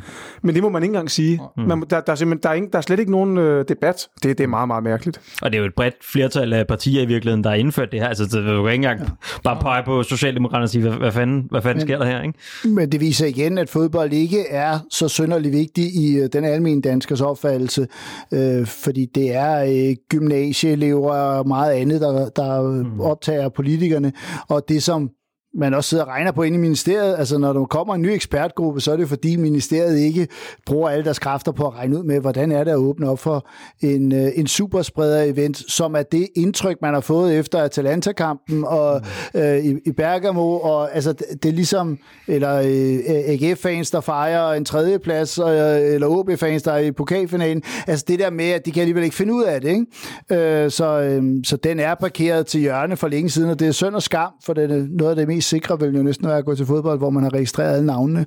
Øh, jeg har lige været i zoologisk have for, og der, altså, der er jo ingen, der aner, hvem der går rundt hvor. Altså det, øh, så den der smitteopsporing, den er jo meget effektiv her, men det er ligegyldigt, for det er ikke det, der optager øh, mm. politikere eller danskerne, for optog det danskerne, så optog det også politikerne. Du må også. Jamen, jamen, det var, hvad vi havde til jer i dag. Øh, Jeg vil gerne sige tusind tak til, til Ivan og Christian for en, øh, jeg synes i hvert fald selv, det var en mega spændende debat. Jeg håber også, I synes, det var interessant at være med. Så tak. Meget. Så tak. Og så håber jeg selvfølgelig, at lytterne har synes, det har været interessant at lytte med. Mm. Victor, vi vender tilbage i næste uge, hvor vi har Torkel Forsdal på besøg, som øh, har arbejdet inde i FC København i en, øh, ja, en menneskealder i virkeligheden, hvor vi selvfølgelig skal dykke ned i en masse gode gamle røverhistorier osv., så, så det ser vi rigtig meget frem til. Tusind tak, fordi du lyttede med derude, og vi lyttes ved om en uge.